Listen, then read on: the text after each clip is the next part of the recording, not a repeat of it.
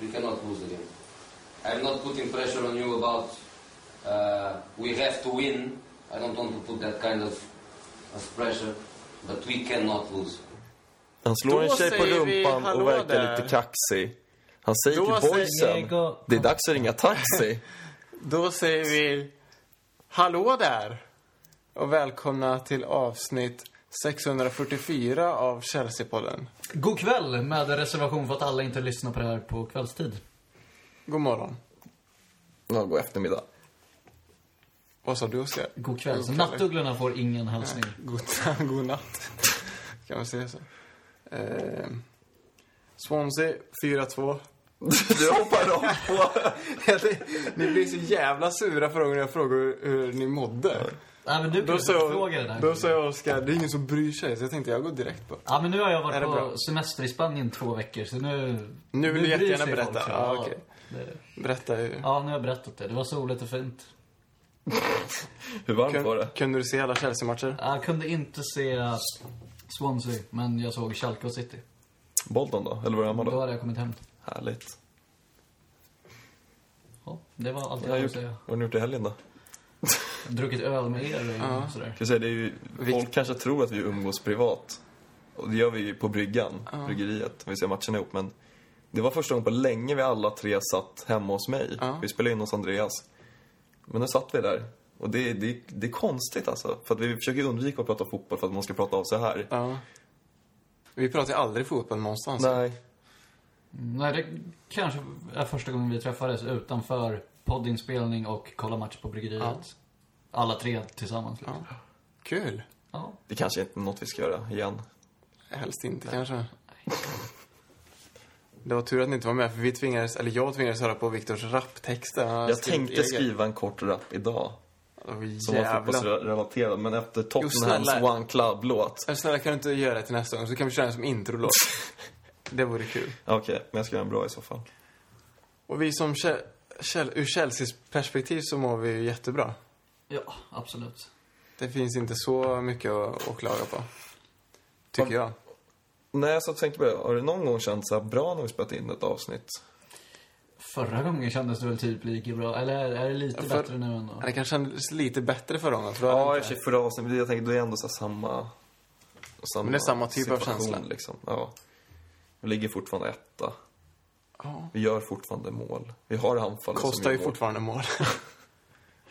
Gör han. Mm, fyra mål sen senaste inspelningen. Så. Ja, Bra. det känns jävligt bra. Ett hattrick bland annat. Mm. Swansea, 4-2.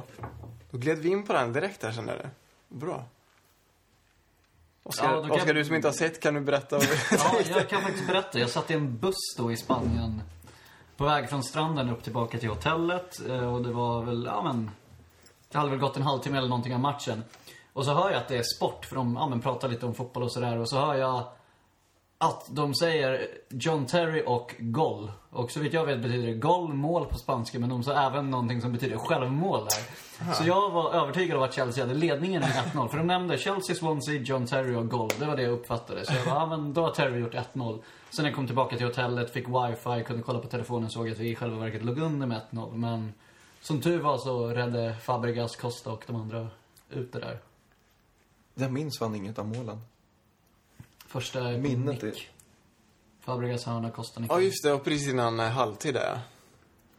Och sen så var det ett skott av Ramirez typ som han kom och snappade Just och sköt det. istället.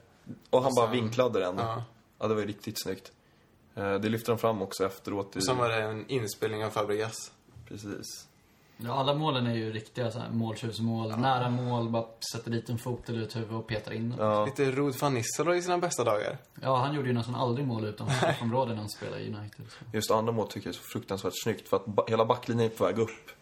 Och då, sticker, då ser han vad som händer. Och liksom sticker, så han står ju tre meter offside. Fast han är ju onside när Ramirez skjuter. Så bara vickar han den. Han har sjukt bra speluppfattning. Ja, han har ju verkligen en förmåga att ta sig till de ytorna där- det blir farligt och de ytorna där bollen kommer. Det är inget så här som Jämför man med Torres till exempel, som ofta sprang ut från straffområdet så det Costa det liv, livrädd för att vara i straffområdet. Sökte ner till hörnflaggan nio gånger av tio. Tänker på eh, 1-1 målet, eller 2-1 målet. Nej, 2-0 målet var det, mot PSG förra året. När eh, Är det Matic? Nej, Matic spelade inte Champions League. Ja, det är någon som skjuter. Den träffar Torres på benet och skarvas vidare till Ba när han lyfter upp den i nättaket. Det vill säga, Torres blir träffad liksom. Ja. Står typ rätt men liksom får ingenting uträttat. För det är ju verkligen, det är ju aktiva beslut av Costa att befinna sig i de här situationerna. Det är ju aktiva rörelser mot bollen och sådär och det lönar sig. Han, han trycker ju dit dem flera matcher. Eller har ju gjort mål nästan varje match. Och nu känns det som att vi har en spets på den här förbannade pennan. Förra säsongen, då var det bara en trubbig udd liksom. Nu är det in med bollen i straffområdet, då blir det farligt. Förra året var det farligt tills bollen kom in i straffområdet. Ja. Ja, det har vi inte, så har vi inte haft det sen Drogba var som bäst runt 2010 kanske, när han var skytteligan i Premier League. Och det, det är verkligen en skillnad att kunna langa in bollen och räkna med att det blir en farlighet. Inte bara att motståndarna ska kunna spela bort den. Fan vad Fyra år sedan vi haft en bra anfallare. Jävla förra säsongen var vi försökte försvara att men det gör inget att vi har en bra anfallare. Men nu när man har en riktigt bra anfallare så fattar man ju vad det är för skillnad liksom. Ja, men du tar Everton-matchen när vi släpper in tre mål. Alltså, förra året så hade vi inte gjort i närheten av så många mål.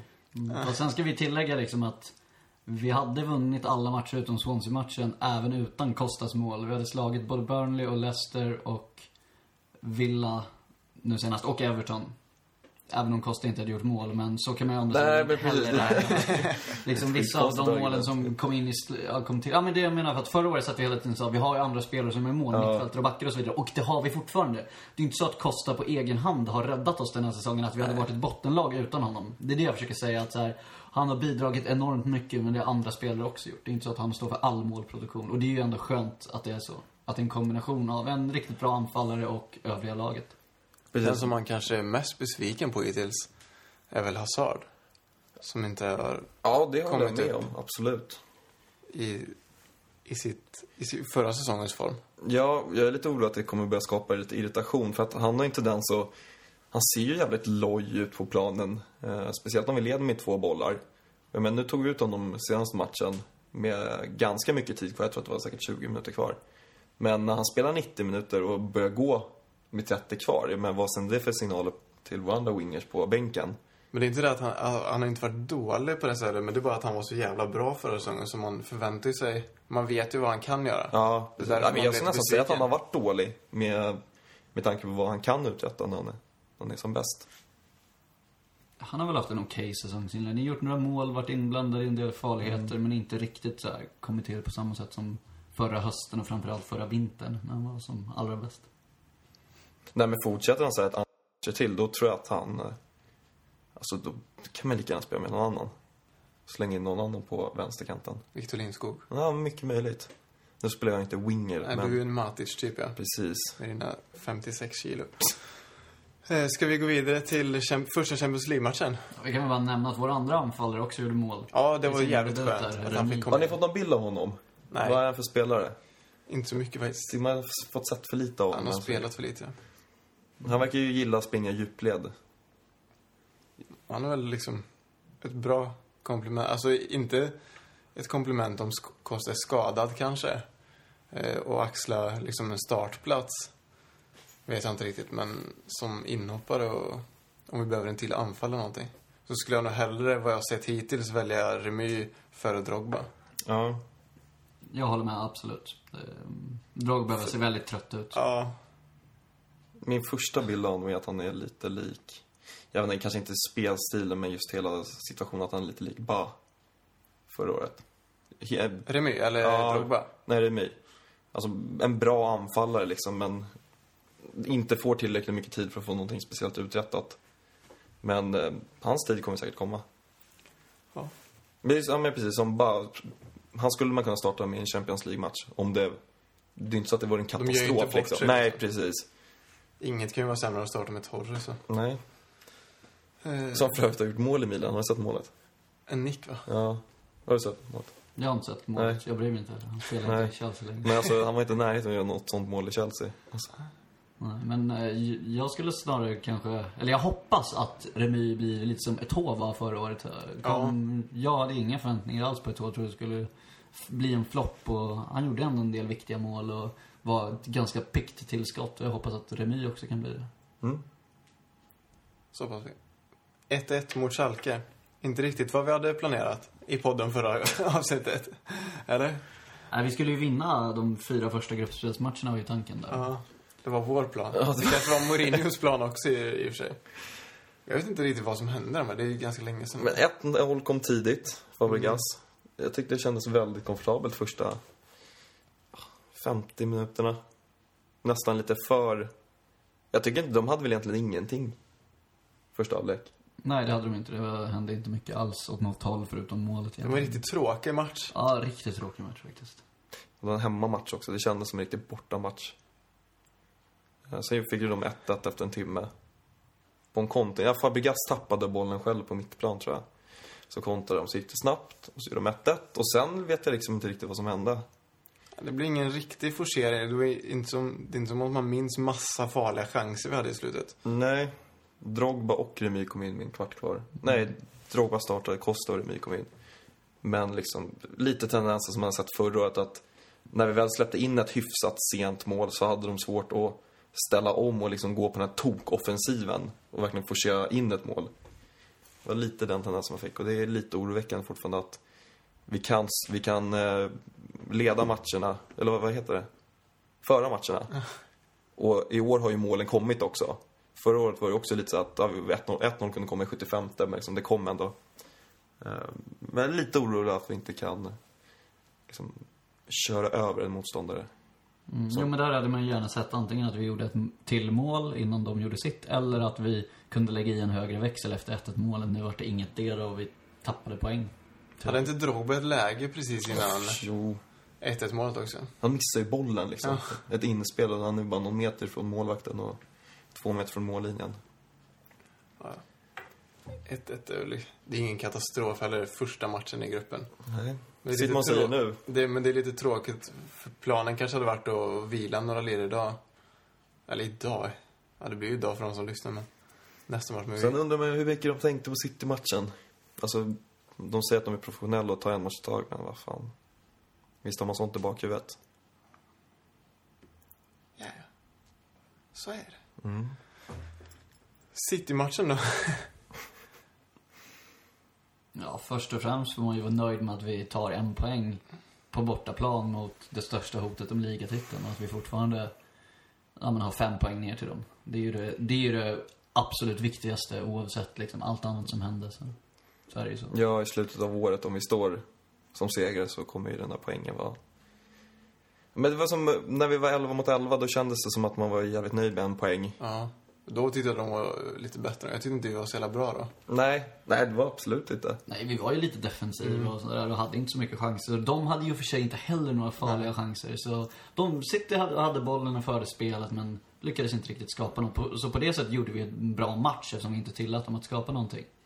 Och sen hade man, tänker man på utvisning så hade det lika gärna blivit en utvisning på Costa också samtidigt med Sabaleta. Det där kommer bita oss så hårt i rumpan. Om Costa kan ha sig skinnet i 19 matcher, men någon gång kommer det rinna över. Och han kommer ta ett rött kort, helt fel läge. Så det kommer komma. Frågan är bara när. Sen tycker jag Mike Dean tappade matchen helt och hållet. Det var ju gula kort överallt. Ja, Silva fick ju något så här gult kort som var jättekonstigt för dem. Eh, Jo, man hade ju det på känn där, liksom i slutet av första framförallt när det var väldigt många kort på ett fåtal minuter bara att någon kommer att bli utvisad. Och som tur för oss så vart det en City-spelare och inte en Chelsea-spelare. ja. Som ett lotteri nästan. Och nästa, han, som att han har bestämt sig. Nästa situation så det är Ja, riktigt oavsett precis. vad det är. Men Sabaleta fick väl två gula, han fick inte rätt direkt. Två gula, Exakt. ja. Och båda är väl så här, det är gula kort liksom. Ja. Det, det är det ändå. Ja, men jag tror att Ivanovic och gula kort var också jävligt tveksamt. Och Torres gula också jävligt tveksamt. Ja. Och sen vill ju alla haters ha det till att Costa försökte strypa Sabaleta. Ja, för att de frös bilden. Ja. Nuddade honom i ungefär 0,1 Ja, sekund när man såg det live. Så. Men det är onödigt att komma upp med handen mot halsen överhuvudtaget. Ja, Så... Men det var lite härligt också. Fint. Ja, men precis. Alltså när de fick det där röda, då kändes det som att nu har vi chans på tre poäng. Då gick förväntningarna över till det och sen kom 1-0. Costa till Hazard till Schürrle, va?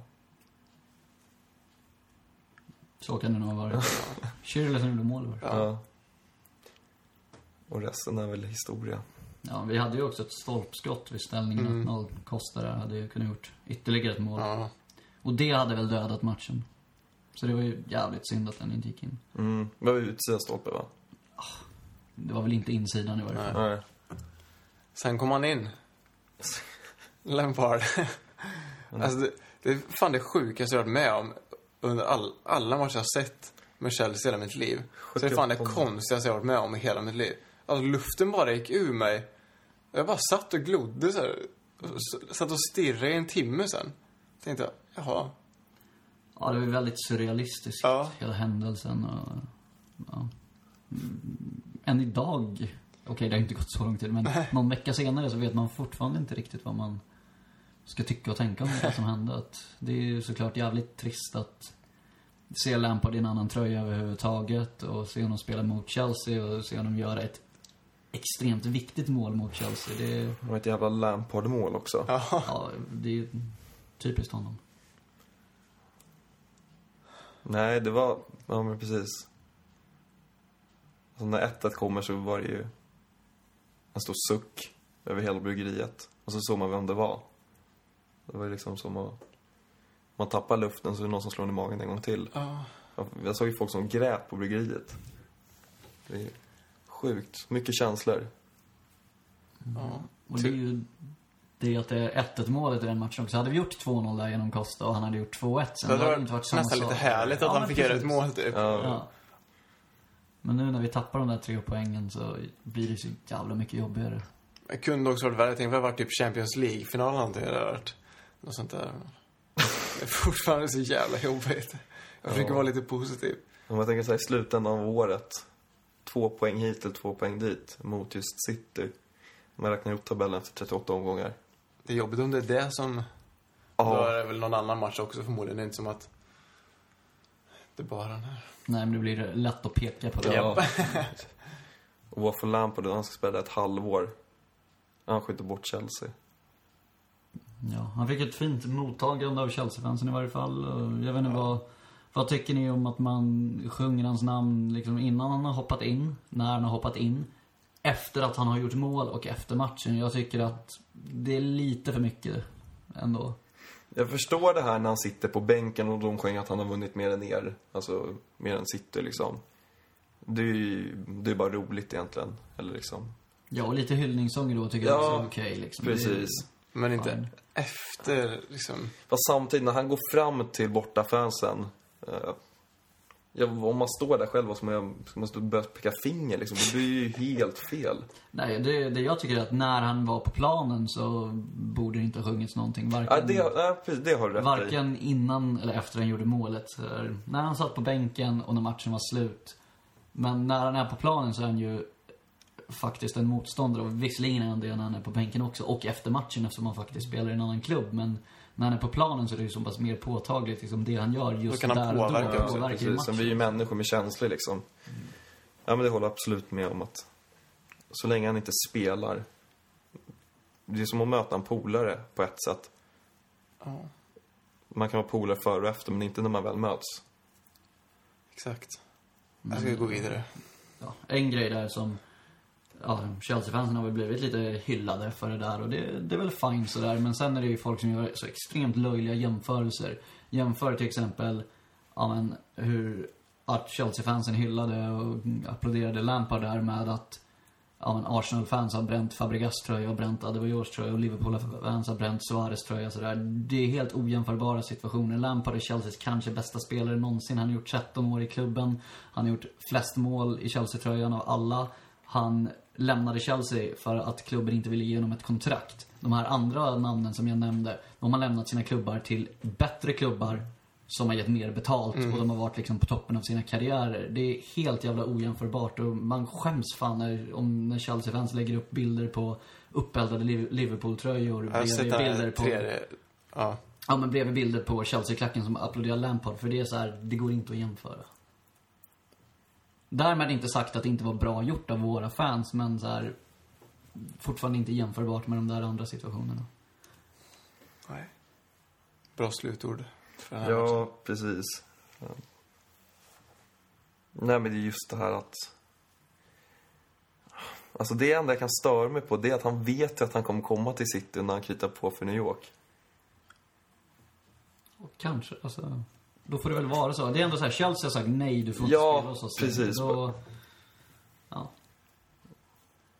Ja, vi pratade om det förra avsnittet också. Vi har inte den rivaliteten mot City. Det hade kunnat varit mycket värre. Det hade kunnat varit mycket benuva och acceptera situationen. Mm, och framförallt behöver man ju inte ändra ståndpunkt i den frågan bara för att han gör mål mot Chelsea. Som, som jag sa, vad jag tyckte då att så här, jag tyckte inte det var så farligt att han gick till City och det står jag fast vid. Liksom. Man kan ju inte hålla på att ändra sig bara för att han gjorde mål. Nej. Hata honom eller det beslutet han tog. Det, det går ju liksom inte. Och folk som påstår att han har kastat bort sin, eh, sin legendstatus han har i Chelsea. Det är ju också så här... 13 år kan inte raseras på 12 minuter. Alltså, Nej, han han, gjorde, han, han, han gett gjorde sitt jobb i blåa liksom. tröjan. Ja, han är Ja. Fruktansvärt jävla professionell fotbollsspelare. Ja, han gjorde liksom sitt bästa för sin nya arbetsgivare. Ifall han hade gjort en Adebayor. Det är ju det, det hade ju aldrig förekommit. Nej, Det men, är men så här- det, det, det hade varit ännu sjukare då. Ja, men den ömsesidiga respekten som finns både från Chelsea-fansen och från Lampard mot varandra, det är så här, den är så pass stor så att något sånt skulle aldrig kunna hända från något håll.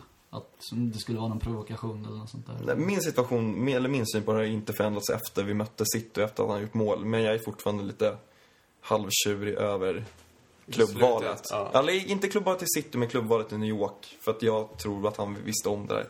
Men liksom det, det kan jag hålla för mig själv. Ska vi gå till Bolton? Mm. 2-1, ligacupen. Precis, ligacupen. Och då snackar vi fulstream. Eller gick den på någon kanal? Nej, den gjorde inte det. De sände Nottingham eller vad fan det var istället. Just det, tian. Man bara, ja. Nej men så kan det väl fan vara ibland. Vi är lite bortskämda. Att Allt TV Faktiskt. Om man är man Nottingham Forest-supporter så blir man väl överlycklig om de går på TV. Ja, det kan jag bjuda på. Så jag har inte så mycket att säga. Jag har inte sett matchen. Nej, jag såg den inte heller så... Jag hade, jo jag, jag satt och kollade på, jag slängde upp den på tvn från datorn så satt jag höll på att knappa på datorn så att jag liksom satt och kollade med ett öga. Ett getöga. Ett getöga slängde jag lite då och då när, när det hände grejer. Eh, 1-1 första halvlek. vår kära Kurt, Eller? Kurt Happy Zuma, gjorde 1-0. Eh, från det jag sett på försäsongen, honom tycker jag att han är fantastisk i offensivt straffområde. Han är farlig på huvudet. Eh, nu gjorde han i inget nickmål, men eh, jag tror att det är Keir som går upp och vinner första duellen och liksom får iväg ett skott som tar på en back så han stång och så petar han in i returen. Eh, men han, han är inte lika bra i eget straffområde tyvärr. Men det är väl, han är född 94 så att det är väl ingen brådska på det sättet. De håller fortfarande på att lära sig. Mm. Check stod i mål. Kul också när en ung talang får spela och starta en match, att de ja, man får göra mål. Det lär ju styrka både hans eget självförtroende och andra unga spelare i klubben. Precis. Alltså, det går att få... Har du hostat klart? Jo. Ja. Nej, men att det går att få chansen och det går att göra någonting av det också, vilket han visade i den här matchen. Precis. Och, uh, Acke, som jag kallar honom. Nathan Acke. Startade ju också. Uh, gjorde en bra insats på mittfältet tillsammans med Mikael. Uh, Salah Schüller har ju fått sparsamt med speltid i år. Båda de spelar från start. Framförallt Salah. Ja.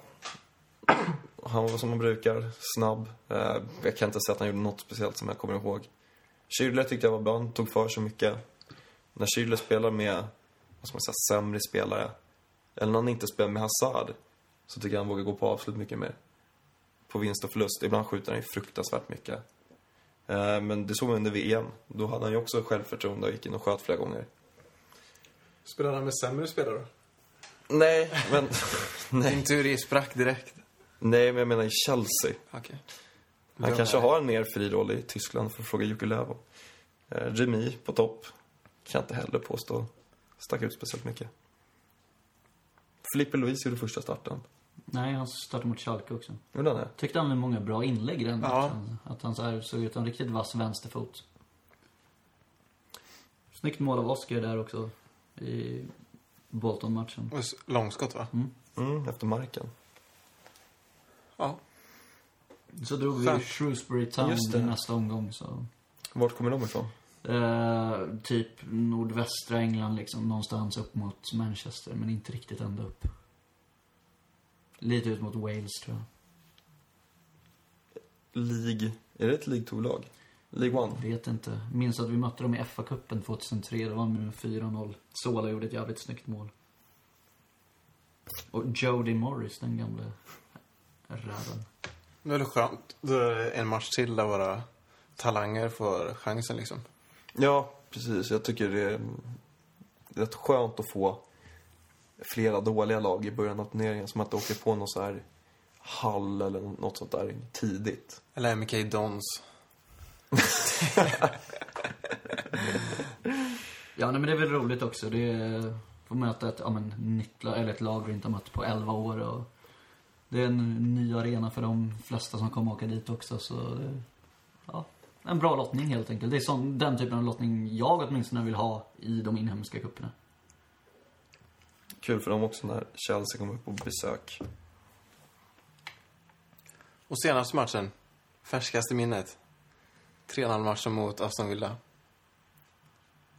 Säker seger känns det som. Säker seger. Åkte ju på pumpen mot dem för, slutet av förra året va? Sen När vi det förlorade vart- med 1-0 på bortaplan. då. Mm, två röda tror jag vi fick. Stämmer. Alltså, det fanns lite revansch att utkräva. 1-0 kom ju jäkligt fort, Oscar. Bra William. Skjuter, tar sig in i retur. Oscar typ snubblar in den från en meter. Man tror att han ska slå undan benen på sig Tunnla själv. backen. Ja, William som du sa var bra. Han gjorde kanske sin bästa match på Stamford Bridge sedan han spelade i Shakhtar Donetsk och var bäst på plan mot Chelsea för två år sedan. Ja, just det. Han gjorde 1 plus 1 där. Ja, men det var väl rätt liksom inblandad i spelet och så här. Ja, men såg pigg och bra ut. Precis. Jag vet inte om jag... Jag sa innan matchen att jag hellre hade sett Schürrle där till Andreas. Eh, Då sa jag nej. Då sa du nej. Och med facit i hand vet vi inte vem som hade rätt. Förkylda kanske hade gjort fler mål. nej, men jag tycker att William har, William har hög högsta nivå, men liksom försvinner också så här bort i matcherna. Eh, flera gånger i år så har han varit så jäkla tafflig. Just på första bolltouchen. Och det är ju det han ska vara bra på. Han ska ju ta med sig bollen och sen dra direkt. Nu har det varit så att han sparkat bort bollen eller fått bollen bakom sig. Så han behöver höja sig också, men det kanske han behöver göra. Kommer in i det. Fortfarande tidigt på säsongen. Ja, precis. Ja, jag hoppas det. Jag tycker han har mycket, mycket mer potential som han inte har visat egentligen överhuvudtaget sen han kom till Chelsea. Jag har blixtrat till några gånger, gjort ett par fina mål och så, men jag är ganska grovt besviken på honom faktiskt. Ja, han var inte så billig heller. Nej, det var ju en, ja, men, lite av en prestigevärvning också eftersom vi Mm. snodde honom framför Tottenham där, som vi inte ska glömma. Så, ja. Nej, det är dags att han börjar leverera. Det är ändå andra säsongen nu, så vi kan Ja. hoppas att det här var liksom ett litet steg i rätt riktning och att han bara fortsätter. Han kom ju undan lite med, med förra säsongen, att det är första säsongen med det är mycket flytt och allt sånt där runt omkring. Men det är precis som Hassan Man har ju många säsong. brasilianer i laget också. Det är ju liksom... Precis. Nej, det var ju bara brassar som gjorde mål. Kostar ju Mm. brasse egentligen. Skönt att han fick nicka in den också. Sen var det dags igen. Tog lite tid. Tog nog nästan en timme innan han hittade målet. Ja. Dök han upp där. Jag har glömt bort målet. Alltså, Jag har slutat dricka när jag kollar. Men då kommer du inte ihåg? Jag kommer nick. Inlägg från Inlägg, Ja, just det. kanten. Nick. Sen missade han ju en nick, nick min hårsmån också. Ja, det är första halvlek. Ja, var det, nej, det var efter. Eller han hade en nick på mål i första Ja, halvlek. just det. Mm. Ja, han är ju riktigt vass på huvudet. Mm. Det, det är bra. Vem fan gjorde 3-0 målet? William. William var det. Peta in den från nära håll. Det var, var väl Costa som Costa. låg bakom det också. Brände, brände egentligen ett rätt bra läge. Han kunde ju Ja. rulla upp den i bortre, rulla in den bortre bara.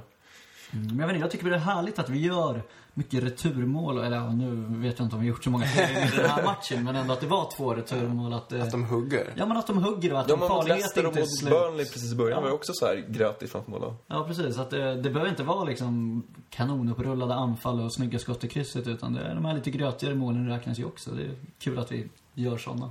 Kan det varit så att förra året stod Torres där som en glassgubbe i straffområdet och liksom såg bollarna vina runt sig bara?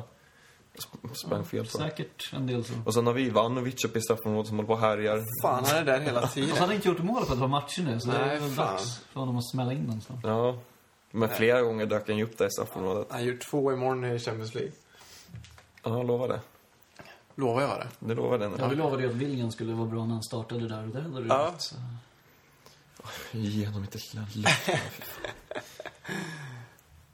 Har vi något mer från den här matchen? Skönt serieledning. Led sig med tre poäng, va? Ner till tvåan, Sa 15. sa 15, ja. Jag tänker inte, jag tittar bara på vad City har. Ja, City fem poäng efter. Mm. Sen är vi väl åtta för eh, United och Tottenham och Liverpool och de där va? Den här Fan, skitlagen. man har hånat United hela året, men de ligger ju liksom sju placeringar före Liverpool. Men en poäng mer eller? Fyra? Ja. Nej, två. Sorry. Men sen ska man också komma ihåg vad United har mött för motstånd och jämföra det med Liverpools. Ja. Liverpool har ändå spelat mot City och mot Everton och sådär. Men United har haft på pappret enkla matcher. Leicester, Burnley. Swansea. Mm. Mm, sådana här lag som vi har slagit ganska Ja. komfortabelt. Det känns bra. Ska vi gå vidare till eh, frågorna? Ja. Inte så många idag, men det spelar väl ingen roll. Vi tar väl upp dem vi har fått. Ja, det är alltid kul när lyssnarna engagerar sig och ställer frågor. Ja. Henrik säger, hur ofta är podden tänkt att komma ut den här säsongen? Så ofta vi bara kan. Ja, vi kan ju verkligen inte lova något varje vecka, men Nej. två gånger i månaden kanske. Det, Tre. ja. Ibland en gång i månaden. Det varierar. Ja. Så jävla kul inte att släppas ut i förorten och träffa de här. Innerstrand. Eh, Pontus frågar, eller säger, har en känsla av att Terry gör sin sista säsong för oss nu. Tror ni Cahill, Zuma, Ivanovic, Kallas och Mero är tillräckligt för att bygga upp ett grymt mittlås eller ha en superback där? Personligen vill jag att vi ska satsa på dessa unga talanger. Det vore ju väldigt kul om man kunde satsa på dessa unga talanger och att det skulle gå vägen.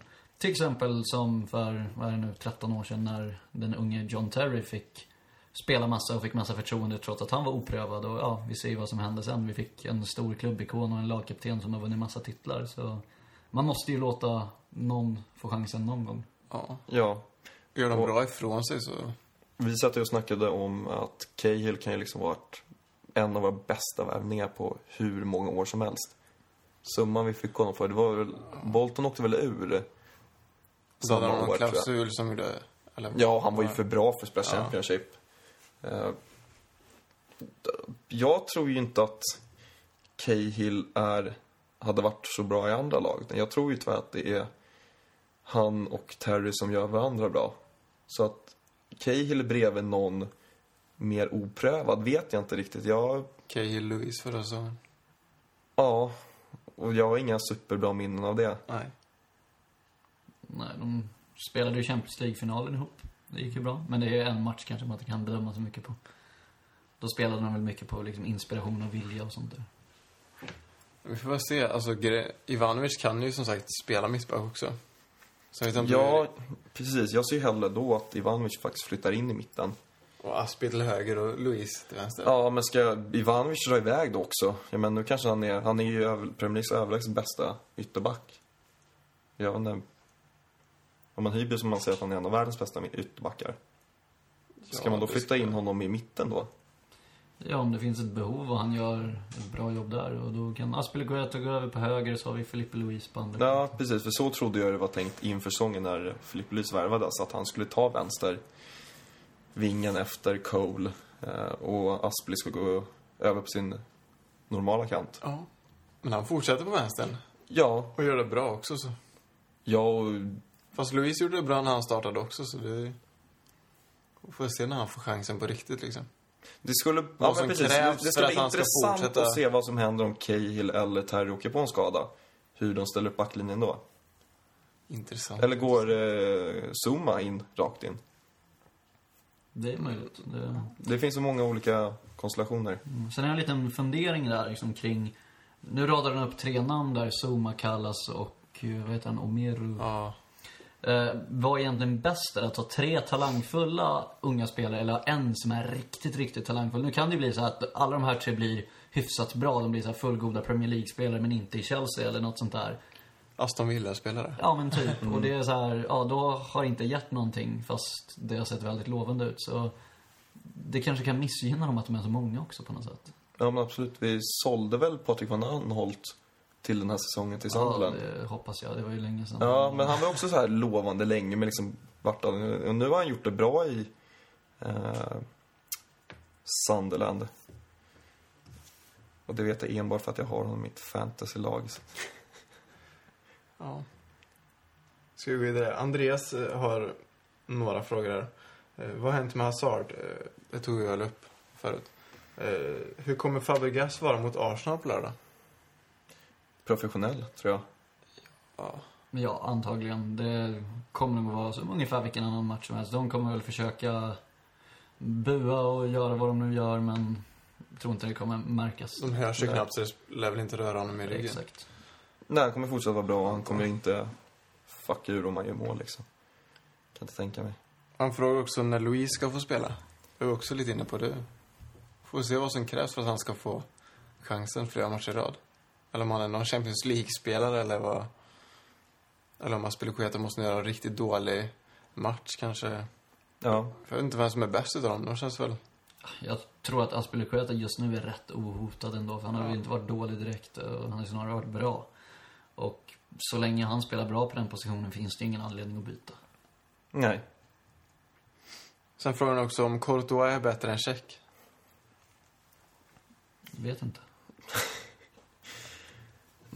Alltså, Alltså din teori förra podden är fan det dummaste jag hört. nej, den är alltså. inte dum.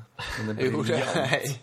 Nu har jag kritat på ett nytt kontrakt dessutom. Fem år. Ja, precis. Det säger väl det mesta att det är honom vi kommer... Ja. Men nu är kontraktet påskrivet och klart. Och nu är det upp till honom om han ska vara första målet eller inte. Måns frågar, kan årets spelartrupp vara den bästa vi någonsin haft? Kommer han slå Ancelottis eh, 09-10 säsong eller Mourinhos 04-05?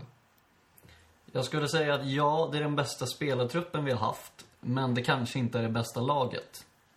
Alltså, det är, vi har väldigt många bra spelare individuellt.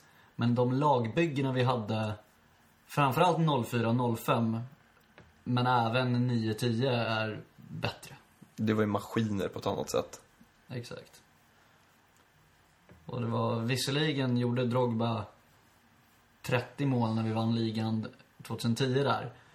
Och då var vi väl ganska beroende av honom. Men 04-05 så hade vi ingen spelare som gjorde mer än typ 12-13 mål. Det var Gudjonsen tror jag vann interna skytteligan på typ 14 ligamål var det nog. Lampard gjorde 12, Drogba gjorde 10, och sånt där. Och, men det var, det var liksom målskytt eh, utspritt på många spelare. Vi slog rekord i minst antal insläppta mål. Och sådär. Så det var, det var ett betydligt bättre lag än det vi har idag. Men säsongen är ju ung, så vi kan ju fortfarande liksom bygga på, på det vi har och ha ett riktigt, riktigt bra lag i slutet av säsongen. Nej men absolut, jag håller med helt och hållet. Uh, spelare för spelare så är dagens Chelsea det bästa jag har sett. Eh, men jag känner inte alls den här tryggheten man gjorde tidigare. Med att liksom, det här kommer, liksom, det är inte frågan om vi ska vinna utan det är frågan om vi ska vinna med två eller tre mål. Sen eh, 9-10, var det när Anelka gjorde sin sista- säsong? Inte sista säsong, men... En eh, sista bra säsong Ja, kanske? han, han var bra i varje fall. Ja. Malodar var riktigt Ja, bra den fan säsongen. vad bra han var den säsongen. Och sen var ju Drogba och Lampard såklart framstående som de var väldigt många gånger. Det, nej men en sak jag bara tänker att i vår ordinarie startelva 04-05 hade vi Thiago. Och liksom jämför det med startelvan nu där vi har på samma position har vi istället Matic och Fabregas. Det är ändå viss skillnad. Ja. Får man väl säga. Vi får se hur långt den räcker då. Den bästa truppen i Sen så kanske man, eh, ja, vi kanske stirrar oss lite, lite blinda på ligan också. Eh, för att jag tycker det finns ju fler bra lag. Du kan liksom inte meja ner ett lag på samma sätt idag. Alltså, Premier League har blivit bättre överlag. Det känns som det, ja. I alla fall övre halvan om man säger så då. Jag vet inte, ja. Alltså, bottenlagen kanske det inte är jättestor skillnad på. Eh, det finns ju fortfarande, ja, kanske att det inte finns på samma sätt ett strykgäng. Liksom ett, ett lag som eh, mer eller mindre kommer upp och skämmer ut sig eller liksom. Eh, men överlag som, lagen på övre halvan är ju bra nu. Alla slår alla. Förutom Chelsea förhoppningsvis. Precis. Jo, nej, men jag tror att det kommer ta lång tid innan någon slår vårt poängrekord på 95 poäng från just 04-05. Det, det känns som att man, vi förlorade bara en match den säsongen och hade bara ett par kryss. Och. Ja, så kommer det inte vara på ett par år framöver. Inte ens med den fantastiska säsongsöppning vi har nu tror jag att vi kommer vara direkt nära det. Nej. Kanske kan Pallers upp på 90 om vi gör en bra säsong, 91, något sånt där. Och det man ska komma ihåg då också med den här 04-05 är att eh, de sista matcherna så tog vi, när ligatiteln var säkrad, så tog vi bara två poäng på de två sista matcherna. Vi hade två oavgjorda matcher. Men var det säsongen 10-11 vi vann de sex första matcherna? Och sen åkte upp mot City? För jag för mig att... Jo, men det måste det ha varit. Det kan stämma. För att i slutändan vann vi ändå inte serien. Nej, precis. Så, Men ja, om vi knappt släppte in någon mål ens då. Ja, då inledde vi jättebra 6-0, 6-0, två första till exempel. Så, Mm. men, så det är liksom mycket kan hända. Jag minns just där, om vi går tillbaka till 04-05, så hade Arsenal säsongen innan haft sin Invincible-säsong när de inte förlorade en enda match i ligan. Men de hade ganska mycket kryss och de var inte, de hade väl någonting på 80 poäng istället. Och på hösten så inledde de att vinna allt och medan vi gick lite knackigt ändå hade några 0-0 matcher och sådär. Och då var man ju livrädd att så här, det här kommer hålla i sig. Och sen förlorade de en match mot United och efter det så bara rasade de och kom två 10 poäng bakom oss eller något sånt där. Så det är ju lång tid kvar. Vår säsong kan utvecklas både positivt och negativt från, från nu. Men det är ingenting som pekar just nu på att den kommer Gå neråt med. gå neråt, nej. Nej, det, så borde det inte bli men. Man vet aldrig. Man vet aldrig. Så är det. Därför jag älskar den här sporten. Precis.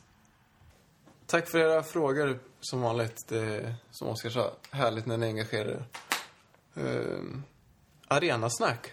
Det var ett tag sedan. Ja, det är lite nytt på den fronten nu. Ja, lite nytt är det. För igår, eller ja, på söndagen, så gick lite brittisk media ut med uppgifter om att Chelsea skulle, eller hade visat intresse att Eh, spela sina hemmamatcher på rugbyarenan Twickenham under en säsong. Och det skulle då bli säsongen 2016-17 tidigast, kanske någon säsong senare alltså. Och det här skulle man då göra för att kunna bygga om Stamford Bridge under den säsongen. Och eh, Twickenham är då Englands nationalarena för rugby. Det har aldrig spelats någon fotboll där. Den ligger i sydvästra London, men betydligt längre ut än Stamford Bridge. Ute i, ja men, inte direkt i ett bostadsområde, men, men nästan liksom. Stamford Bridge ligger ju trots allt inne i stan, men det gör ju inte den här arenan.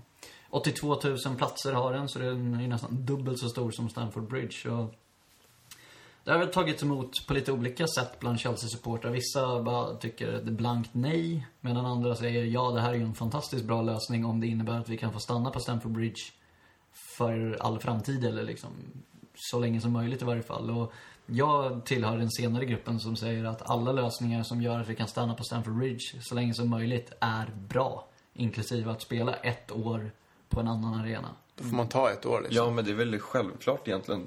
Vi fly- behöver inte flytta till andra sidan stan. Nej. Alltså, hålla oss ändå kvar hyfsat samma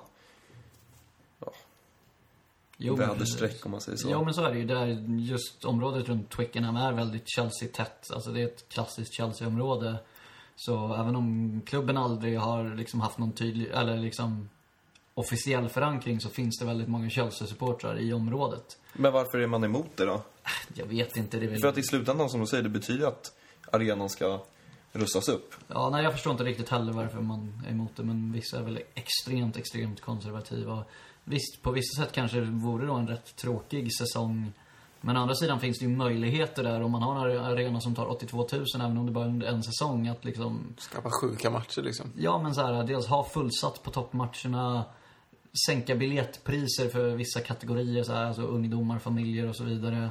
Och eh, så där kanske samla, eftersom ingen kommer ju ha någon säsongskortsplats sen tidigare, så liksom vara tydliggöra att på den här läktaren samlar vi de som vill sjunga hela matchen och stötta laget och på så sätt kunna skapa bra stämning och så. Sen få återvända till en större arena också. Det är en, ett större Stamford Bridge. Ja, precis. Ja, Och ett år där kanske betyder 20 år till på Stamford Bridge. Exakt. Då är det kan vara jäkligt värt att slakta ett år.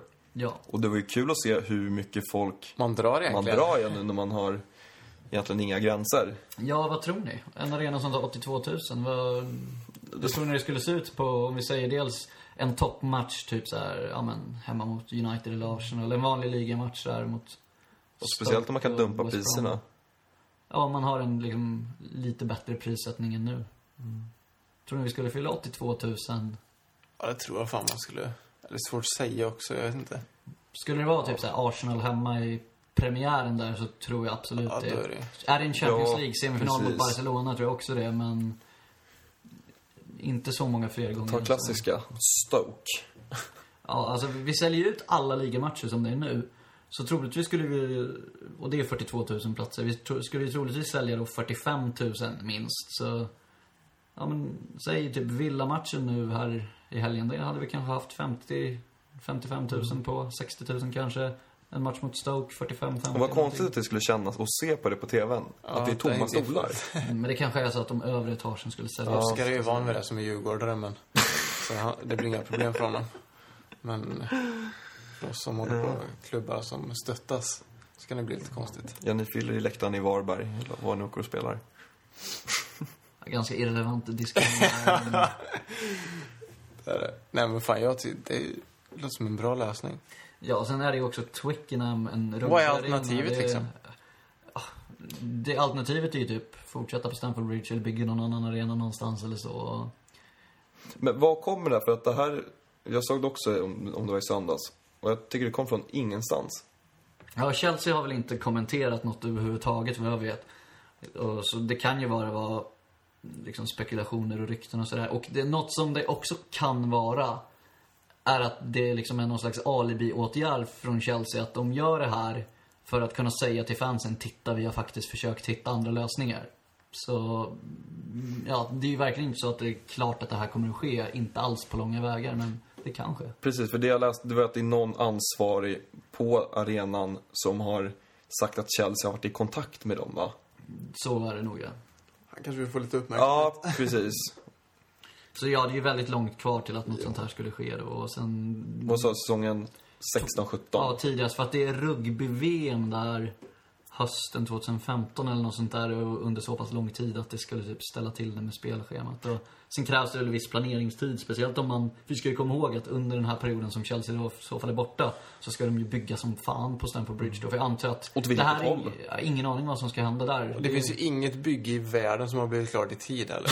Nej, precis. Det är, framförallt inte fotbollsarenor. Nej. Och det lär ju vara en ganska stor kapacitetsökning. För det här är ju inget man gör för att få till 1500 nya platser. Utan det lär ju vara minst 5000, skulle jag gissa. Vart, är frågan. Vet ej. Jag är ingen arkitekt. De, Nej, de har ju heller. påstått att de har liksom undersökt det mesta, liksom, inklusive att vrida planen 90 grader och så här, slå ner alla läktare och börja om och sådär. Men det gör man ju inte på en det, säsong. det, så- det, det låter mer än ett år liksom. Ja, så antag, kanske lägga till etage på shut upper eller fylla på något sätt i något hörn som, det är ju rätt fullt liksom, men det, de kanske har någon lösning. En brantare läktare. Ja, Roman betalar 10 000 eh, arbetare som bara kör dygnet runt på den här. Mm. Så blir det klart på en säsong. ja man får hoppas. Kan vi, vi kan ju ta in de som byggde arenor i Brasilien annars. Vad ska jag tro? De är liksom halvklara, typ. Eller de som byggde Friends. Ja. Eller de som stänger taket på Friends. Eh, Champions League imorgon. Vi lämnar arenan. Fan vad kul det är med Champions League. Alltså, jag älskar verkligen Champions League. Ja, vi piggar upp en tisdag eller en onsdag. Ja, imorgon, imorgon är Säger jag med jä- jätteentusiastisk. Piggar upp en tisdag eller onsdag. Fan. Sporting. Mm. Portugal. Gamla United-bekantingen Nani lirar väl där? Kan inte det? Ja, det är mer än vad jag vet om, om dem. Mm, Ja, samma här. det är det jag har plockat upp. Ja, jag hoppas bara vi åker ner och vinner. Ja. Det vore skönt efter 1-1 i första matchen. Annars är det ingen katastrof. För sen har vi Maribor i två raka möten och där räknar jag med sex poäng. Verkligen. Ja. Jag tror Costa startar imorgon. Ja, men vad fan, de Ja, precis. Fast Mourinho sa att han var lite osäker Han på säger det. att han bara pallar 90 minuter i veckan. Vad är det för skada man har om man bara pallar 90 minuter i veckan? Jag fattar inte. Jättekonstigt. Det är, Vadå? Ja. man kanske har en latmask i magen. Nej, men det är väl liksom säkerhetsåtgärd. ja, kanske. Jag tror vi kommer att ställa upp med ett starkt lag. Ja. Det är inte vila särskilt många alls. Nej, och Ramirez ska ju vara tillbaks till matchen. Han drog i ljumsken eller något sånt där. Såg ut som när han fick massage. Var det Eva som masserade? Mm. Nice.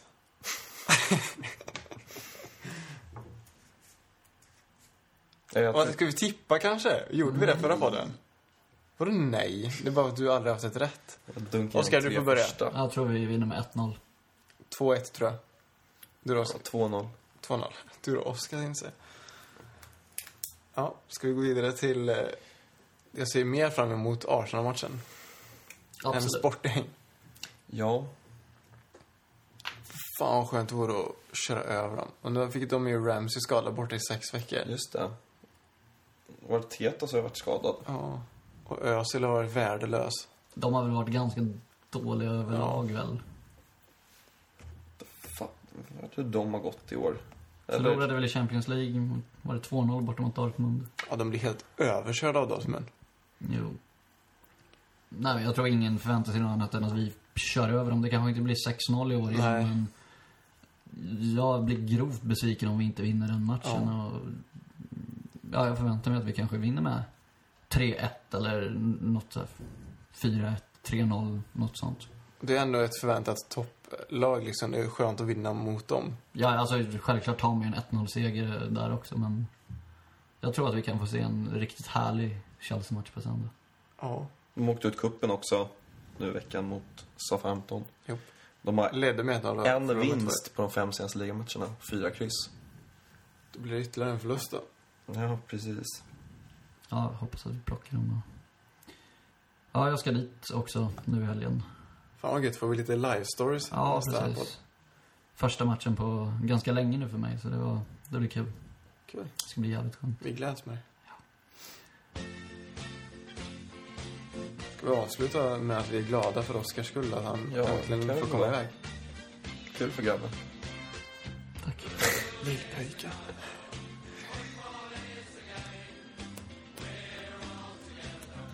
Ska du avsluta med en rap kanske? Nej. Eller som Du skriver den till nästa gång. nej. Jag fattar ingenting. Nej. Nej, det här... Det rann ut. Ska du säga one club innan vi Nej. avslutar? Är det ingen som vill säga något avslutande? Nej. Det är ingen lust. Hej då. Tack för att ni har lyssnat.